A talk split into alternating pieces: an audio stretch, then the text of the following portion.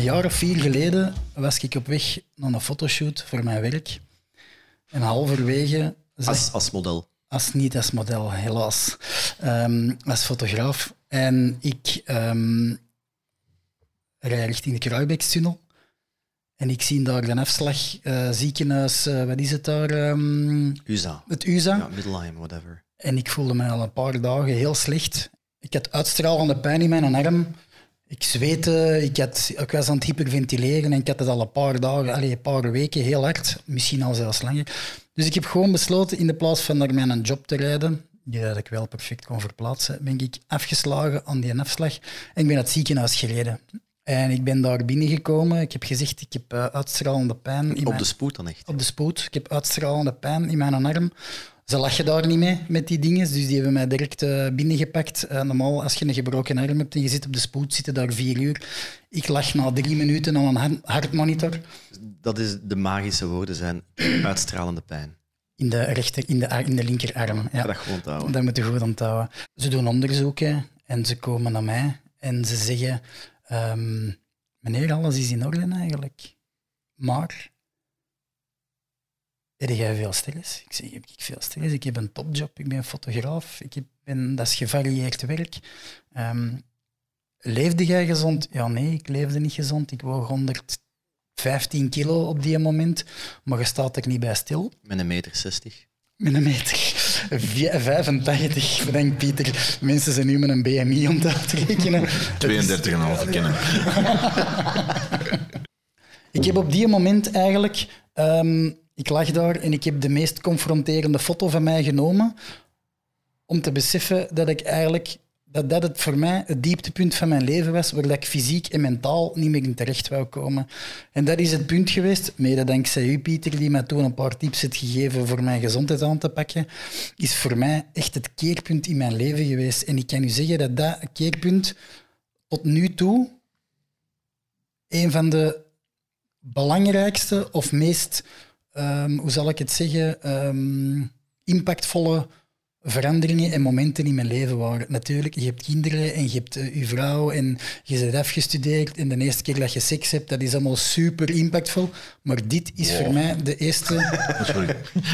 De Ja, Christine, we hebben het over u. De vierde keer, Guido. De vierde keer voor u, Guido.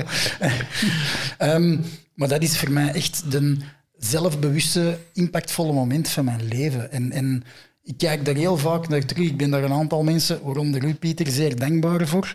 Ehm, ja, heb je zo'n momenten gehad? Ja, maar ik vind, vind het heel tof dat je zegt kinderen en al en al wat dat u, zo de levensfasen die mogen niet meetellen. En dan denk ik spontaan aan de enige moment in mijn leven dat ik heel ongelukkig was. En dat was 24 uur nadat ik in het leger zat. Voor de jonge mensen. Het leger. Het concept. Landsverdediging, defensie, leger. Wij hadden verplichte legerdienst. Dus een jaar dat je je tijd verliest. Als je bij de scouts geweest bent of bij een andere jeugdbeweging, is dat echt niet erg.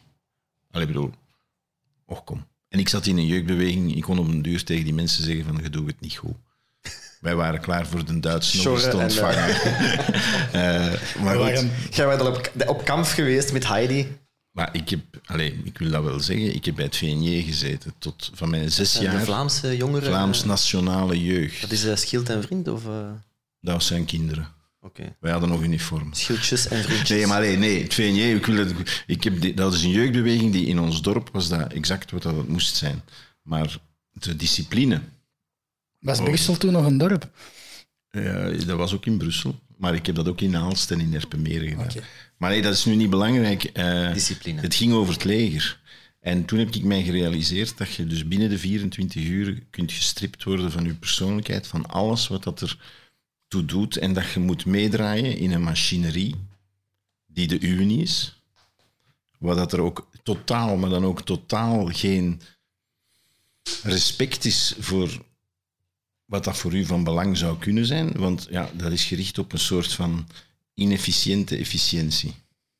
Je krijgt twee paar kousen, je krijgt twee paar ondergoed en daarmee moet het doen, een jaar lang. En ik, ik ging naar die type en ik zei, ik zou eigenlijk liever wat meer kousen hebben. Dat is gelijk deze week in de krant stond dat ze in Noorwegen de onderbroeken in het leger gingen hergebruiken. Tot Ja. zover. Maar dus, en die zei, terug in de rij, twee paar kousen gelijk als iedereen. denk dan van, ik vind dit niet netjes, maar je moet mee, hè. En je moet eten op tijd, je moet slapen op tijd. Iedereen bepaalt voor u wat er gebeurt. En toen dacht ik van, nooit, maar dan ook nooit, ga ik nog plooien voor autoriteit. En daarom ben ik in de reclame gaan werken. En zij er zelf een autoriteit geworden. Nee, maar ik heb, ik heb enorm last mee. Allee, ik- ik denk ook, als het niet benoemd wordt, een beetje aansluiten bij, bij een ander onderwerp, als het niet benoemd wordt, bestaat het niet. Maar op het moment dat je je bewust bent van hoe dat je reageert op gezag en autoriteit, ja, dan is dat, dat gaat nooit meer weg. En in die zin was dat confronterend en levensveranderend. En vooral nutteloos gezag hè, op dat moment. Hè. Er, er is geen crisis, er is niks dat er, dat er moet gebeuren. Oké, die discipline is belangrijk om, als het zover is, dat wel te hebben. Maar ik geloof dat, dat de nutteloosheid en de doelloosheid echt... Ik heb mij vrij geamuseerd. Hè. En ik heb daar ook vrienden gemaakt. Maar ik zou ook vrienden gemaakt hebben, moest ik mij met twintig man, die ik niet ken, op een onbewoond eiland zitten. Dan heb je ook vrienden. Hè. Dus dat, is- dat is niet waar het over gaat. Het gaat er Dat, gewoon dat over... is, dat is Ibiza, Guido. Ja, ook. Eh, maar het, waar het over gaat is, je ziet dat, je voelt in al je vezels van ik wil dit niet. Ik heb mij daar ook geweldig tegen verzet en ook veel plezier mee gemaakt met die regels allemaal te doorbreken. Ik heb in totaal vijf maanden en een half legerdienst gedaan. En dan buiten gezet. Nee, nee, nee, nee, nee. Ze, ik had zoveel recup, omdat die zoveel stoeme regeltjes hebben, dat ik zei van oké, dat ga ik gebruiken, dat ga ik gebruiken. En- Slim geweest. Is heel slim geweest. Ja, Heel Sluw, slim. sluw. Sluw. Ik heb niks kapot gemaakt. Ik heb hun systeem tegen hun gebruikt. Dat is alles. Maar voor mijzelf was dat geen, geen gezag.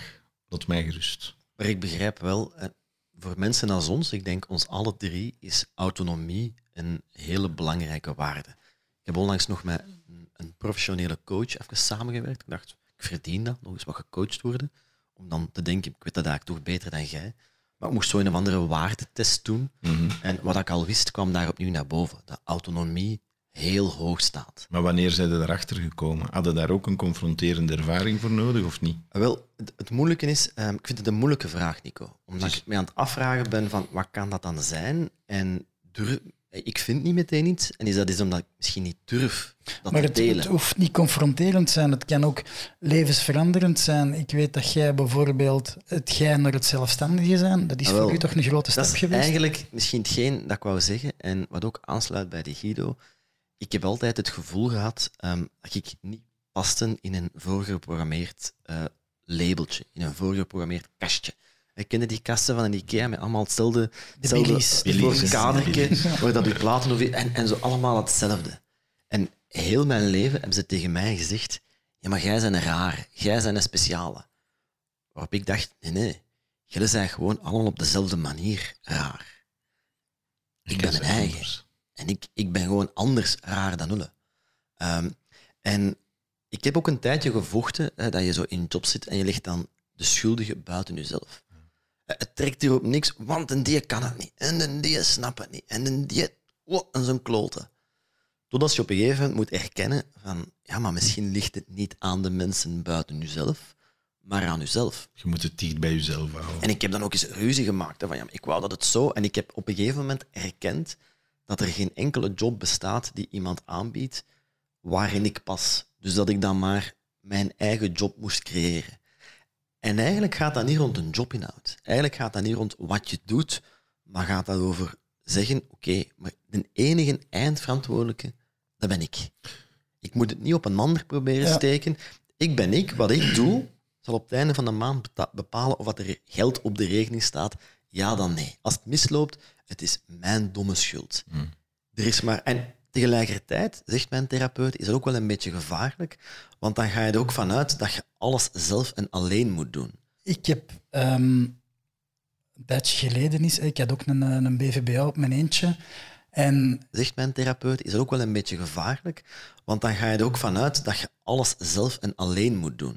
ik heb ehm, een tijdje geleden is, ik had ook een, eh, een BVBA op mijn eentje. En ik voelde die een druk ook op mijn schouders bijvoorbeeld. En je moet allemaal alleen in dat inkomen en die belastingen en die app, die BTW en al die zaken. En ehm, op een bepaald moment... Ja, Die is eigenaar voor de helft van uw camera's. als je ooit scheidt, dan kapt hij die in twee. Ja, laat ons niet scheiden. Ik denk dat dat al een goed begin is. Maar, ehm, en die is ermee ingekomen en in het begin was dat even winnen voor mij. Maar nu is dat zo'n zaligheid. We zijn met twee om diezelfde kar aan, aan het trekken. En dat is voor mij echt waar. Waar dat ik vroeger zei, ik wil nooit met u samenwerken en laat ons dat stuk helemaal gesplitst houden, zitten we nu in dezelfde zaak. We voeren wel alle En, twee ah ja, apart, samen. maar wij, doen, wij werken helemaal niet samen. Maar die een druk waar dat jij van spreekt, die is bij mij weg. Want als ik een slechte maand heb, is zij er nog. Als zij even geen nieuwe opdracht vindt, ben ik er nog. Dat is bij mij ook gelijkaardig met een vrouw die een vast, een vast loon in loondienst heeft. Alle chance dat die goed verdient. Ja. En als het bij mij even niet gaat, dan heeft hij Voilà, nog wel ja. iets. En dat is wel een geruststelling, dus ik weet dat ik er niet alleen voor sta. Maar ik moet dus zeggen, dat is voor mij de belangrijkste klik geweest. Als je dan toch iemand zijt die zo specifieke voorkeuren heeft en niks tolereert van autoriteit en vindt dat hij het zelf beter Mm. weet, doe het dan. Ja. Bij mij is dat wel in twee fases gegaan. Ik heb eh, rond mijn 233 of zo is een headhunter die zei: Guido, stop nu eens met te proberen te conformeren, want jij zei zo niet. En dat is weer hetzelfde. Ze moeten nu dat zeggen of je moet dat meemaken voordat je dat. Want ik wou, ja, ik wou in de reclame een commerciële zijn, de beste commerciële ooit. Maar ik ben, allee, een ander die ooit eens gezegd heeft van, jij bent eigenlijk een soort jachthondje. We mogen nu de bos insturen, je gaat altijd met een kanaar terugkomen, maar dan moet hem zo rap mogelijk uit uw bek, want je vermoost het beest. Dat is wie dat ik ben. Dat interesseert mij niet genoeg. En dus dat was een eerste eye-opener. En een tweede eye-opener is eigenlijk Dat geweest... is wel een mooie beeldspraak. Ja. Ik zie hier die kanaar. Je gaat een Ik foto zie pakken van een zo... kanaar. En het tweede was toen ik de beslissing genomen heb om zeggen van, of de, de, de gok of de sprong van, ja, maar ik wil leven van schrijven, want dat is waar ik gelukkig van word. En dat is, pas op, hè, dat heeft consequenties. Hè. Dat is niet meer elke maand zoveel duizend euro factureren. Dat is met columns van 150 en 200 euro proberen van to meet ends. En Ja. dat, ja, Maar het, het, maar wordt gelukkig. Maar dus op dat moment erkennen en je beseffen, dit is wat mij gelukkig maakt. ja. En durven te zeggen, ook al is er een financiële impact en dat status en naar al de rest, ik ga dit toch doen, want dit is mijn roeping. Ik heb dat wel maar kunnen doen eh, toen dat de kinderen uit huis waren en toen dat er geen financiële verantwoordelijkheden waren naar, naar wie dan ook. Zo lang genoeg verhoerd in de reclame om dan je Ik- ware aard. Ik heb mij altijd goed geamuseerd in de reclame. ik vind, dat is het belangrijke. Hè. We spreken hier allemaal over veranderende bewustwording eh, en al die zaken, gewaarwording van dit ben ik, dit is mijn identiteit. En dan is het belangrijk om dat te blijven vasthouden. Want dan, zoals dat jij zegt, Pieter, ze zeiden altijd tegen mij, jij bent een raar. En jij zegt, nee, dat is niet waar. Ik beseffen van, ja, ik moet het zelf doen. En jij zegt, ik maak een keuze. Ik heb ook eh, qua gezondheid onder andere en qua levensstijl een keuze gemaakt. En dan is Ja, het... Jij waart een antivaxer van de foodies. Klopt. De Novak Djokovic onder de Germeus-keuken. Hoe zeggen ze dat? En nu moeten we wel die nieuw gevonden identiteit of bewustwording moeten dat proberen vast te houden. En dat is hetgeen wat, dat, wat dat ik... Enerzijds maakt mij dat sterk, omdat je zelf steeds opnieuw kiest voor je eigen keuze. Hè, dat, dat maakt u ook sterk. En anderzijds zijn we nou continu aan het vechten tegen een systeem waarin dat, dat niet altijd aanvaard wordt. Wat ik wel heel moeilijk vind, hè, want we zijn nu met drie mensen rond de tafel die alle drie zelfstandig zijn, die op een gegeven moment hebben gezegd, ik pak het heft in eigen handen, met de consequenties erbij horen. Hè, Ik heb eens goed in de spiegel gekeken. Ehm, wat ik moeilijk vind, zijn mensen die dat bewustzijn niet hebben. Mensen die zeggen, ik zit hier heel comfortabel bij de bank te werken. Ik heb een schoon villa in Bonheide. Ik heb een appartementje aan de zee. En die liggen zagen en zagen over hun werk. En je komt die zo tegen in de Maar lift. dat hè. is toch uw leefwereld niet? Ja, maar wat- Ik ben heel comfortabel bij de bank te werken. Ik heb een schoon villa in Bonheide. Ik heb een appartementje aan de zee. En die liggen zagen en zagen over hun werk. En je komt die zo tegen in de Maar lift. dat hè. is toch uw leefwereld niet? ja, maar wat- En boven te laten komen. Maar gisteren las ik of hoorde ik dat Ghislaine Nuiten gestorven is. 67 jaar, hartstilstand. Hartstilstand. En die was fit, hè? Ja, en ik dacht, ah, voor haar is het al gedaan. Gelukzak. Serieus? Ja, Dat is, eh, dat is is inderdaad. diep, eh, ik denk dat we dat allemaal wel eens Ik hebben, hè. dacht, dat is één pensioen minder dan we moeten betalen. ja jij bent een, een cynische, zure Dat is mens. waar. Maar ik vind dat. eh, Ik denk dat we dat allemaal wel eens hebben gehad. Ik, ik moet nu wel zeggen, er is tegenwoordig heel veel onderzoek naar eh, ja, de tijd terugdraaien, hè, regeneratie, jonger worden. En stel je voor dat je heel erg oud kan worden en dat je dat kan doen in een goede fysieke en geestelijke gezondheid. Ik stel me, me vaak de vraag, hoe lang houdt je geest dat vol? Eh, recent ook, eh, we kennen gezamenlijk iemand wiens vrouw is overleden op eind 60 jaren, denk ik, of jonger, maar die haar moeder leeft nog.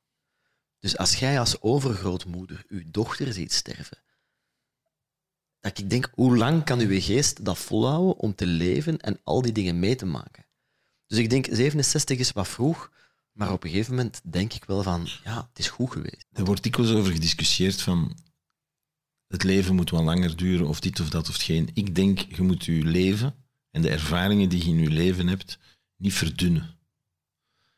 Je hebt, ik heb een fantastisch leven gehad. Maar het is nog niet voorbij, hè? Kort en krachtig. Maar nee, maar ik heb het varken uitgangen, ik heb interessante mensen ontmoet, ik heb toffe dingen beleefd, ik heb Een beetje sportief ook van alles gedaan. Maar nee, ja, veel simpeler. Maar op mijn, voor een, voor een volksjongen, een, Gevarieerd. een volksjongen die vanuit een werkmansbroek komt, vond ik dat wel redelijk oké. En dan denk ik, en nu ga ik naar een pensioen. Nu, ik zal dat wel op mijn manier doen, hè, maar, maar wat ik ga moeten rondkomen met beetje onnoozelheid, Ga je ooit op pensioen gaan? Maar, maar nee, I will die with my boots on. Maar ik heb geen zin om, die, dus om dat zo nog 10, 20, 30 jaar... Want op 65 jaar zeggen ze op KDG, het is gedaan, hè, Jos? Dus... eh, dus over twee jaar. de- de- ja, nog één keer. Hè. dat is niet waar, hè. ik ben al heel lang 50. Eh, maar eh, dus ja, ik, ik, zie dat, ik zie daar het nut niet van. En dus ik heb ook geen schrik om op een bepaald moment te zeggen van het is klaar. Voilà. Zal wel. ik daar nog even over aansluiten? Ja, ik heb zo. daar nog één ding over te zeggen. Eh, ik ken iemand die haar overgrootmoeder perfect gelukkig was, perfect gezond was. Bijna 99 jaar was die. Drie weken voordat hij 100 jaar ging worden, heeft hij gezegd, dat is een proces dat al wel langer is, lopende was, heeft hij gezegd, mannetjes, het is goed geweest. Ik heb eh, een liefde gehad, ik heb kinderen gehad, ik heb een tweede liefde gehad. Ehm, die is ook gestorven. Ik zit nu een beetje te verkwijnen in een, in een eh, rusthuis. Die was perfect fit en gezond, maar die zei, ik heb het gehad. En ze hebben dat gedaan. Ik heb totaal geen behoefte om eh, langer en ouder te worden. En ik heb een ongelukkig voorbeeld nu genomen. Maar ik moet je maar voorstellen dat je dat hoorde. Ja, Misschien dan nog een allerlaatste. En je, moet hem, je mocht hem niet beantwoorden, maar ik vind het een boeiende. Hoeveel levensveranderende ervaringen ga je dan nog hebben?